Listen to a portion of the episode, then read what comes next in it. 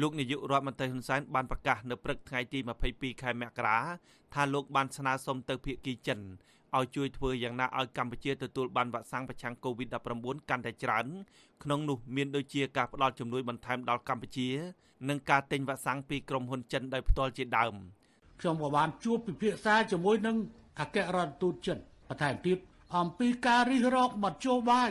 ដើម្បីទទួលបានវ៉ាក់សាំងពីចិន ដោយមានទាំងការផ្ដល់ជំនួយបន្ថែមជំនួយឥតសំណងបន្ថែម ឬការប្រើប្រាស់លុយ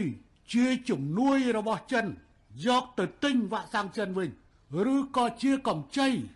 របស់ចិនទៅទិញវ៉ាក់សាំងរបស់ចិនវិញនិងប្រើប្រាស់ប្រាក់របស់យើងទៅទិញវ៉ាក់សាំងរបស់ចិន ដែលយើងមិនត្រឹមតែប្រើស៊ីណូហ្វាមទេ យើងនឹងប្រើទាំងពីរទាំងស៊ីណូហ្វាមនិងស៊ីណូវ៉ា លោកហ៊ុនសែនបានបកស្រាយថាការទទួលវ៉ាក់សាំងកាន់តែច្រើននឹងជួយឲ្យពលរដ្ឋខ្មែរជៀសផុតពីជំងឺរាតត្បាត COVID-19 ហើយក៏អាចជួយដល់បរិយាកាសវិនិយោគកាន់តែប្រសើរផងដែរទោះជាយ៉ាងណាលោកមិនបានបញ្ជាក់ថាតើភាគីចិនឆ្លើយតបយ៉ាងណាចំពោះសំណើបែបនេះនោះទេទន្ទឹមនឹងការបន្តស្នើសុំនិងគម្រោងទិញវ៉ាក់សាំងពីចិននេះលោកហ៊ុនសែនបានស្នើឲ្យរដ្ឋាភិបាលឥណ្ឌាឲ្យផ្ដល់វ៉ាក់សាំងដល់កម្ពុជា ហើយលោកក៏កំពុងពិចារណាស្នើសុំវ៉ាក់សាំងនេះពីរដ្ឋាភិបាលកូរ៉េខាងត្បូងផងដែរក្រៅពីនេះលោកបញ្ជាក់ថារដ្ឋាភិបាលកំពុងគិតគូរទិញវ៉ាក់សាំងរបស់អង់គ្លេសដោយប្រើប្រាស់ប្រាក់កម្ចីជាង90លានដុល្លារសហរដ្ឋអាមេរិករបស់ធនាគារអភិវឌ្ឍអាស៊ីប្រទេសចិនបានសម្រេចផ្តល់ជំនួយវ៉ាក់សាំង COVID-19 ចំនួន1លានដូសដល់កម្ពុជា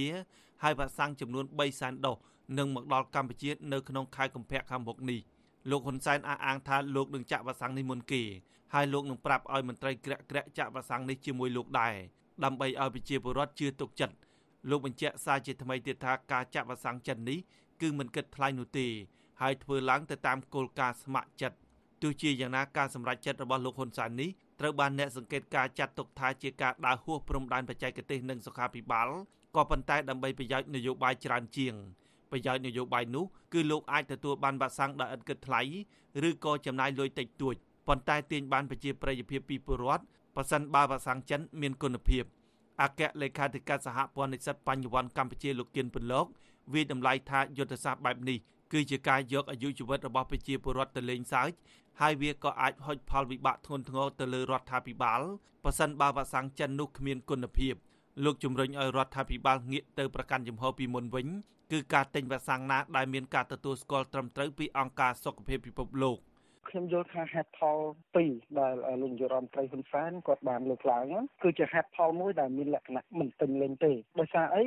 មិនមែនដោយសារតែការចាក់វ៉ាក់សាំងទៅលើប្រជាជនខ្មែរភាគច្រើនទៅពីនយោបាយទុនបរទេសទៅដាក់នៅប្រទេសកម្ពុជាទេតែផ្ទុយទៅវិញអ្វីដែលសំខាន់គឺការបង្រួបបង្រួមជាតិការផ្សះផ្សាជាតិ ជាកត្តាសំខាន់ជាងគេដើម្បីទាក់ទាញវិនិយោគទុន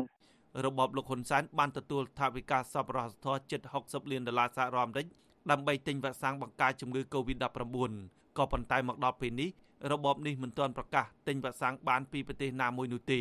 ជាពិសេសលោកហ៊ុនសែនផ្ទាល់ធ្លាប់បានប្រកាសថាលោកមិនយកអាយុជីវិតប្រជាពលរដ្ឋសម្រាប់ឲ្យប្រទេសដទៃពិសោធន៍វ៉ាក់សាំងរបស់ពួកគេឡើយហើយលោកប្រកាន់ចំហទិញតែវ៉ាក់សាំងណា ដែលអង្គការសុខភាពពិភពលោកទទួលស្គាល់ប៉ុណ្ណោះប៉ុន្តែមួយរយៈចុងក្រោយនេះលោកហ៊ុនសែនបានផ្លាស់ប្តូរជំហរទៅវិញដោយលោកបានស្វាត់ស្វែងសុំទិញវ៉ាក់សាំងពីប្រទេសដទៃជាពិសេសស្នើសុំនឹងក្រុងទិញវ៉ាក់សាំងពីប្រទេសចិនទោះបីវ៉ាក់សាំងទាំងនោះមិនមានការទទួលស្គាល់ពីអង្គការសុខភាពពិភពលោកក៏ដោយគិតត្រឹមថ្ងៃទី22មករាកម្ពុជាមានអ្នកកើតជំងឺ Covid-19 ចំនួន456នាក់ ក្នុងនោះអ្នកជាសះស្បើយ399នាក់និងកំពុងសម្រាប់ព្យាបាលចំនួន57នាក់ខ្ញុំបាទហេងរស្មី អាស៊ីសេរីពីរដ្ឋធានី Washington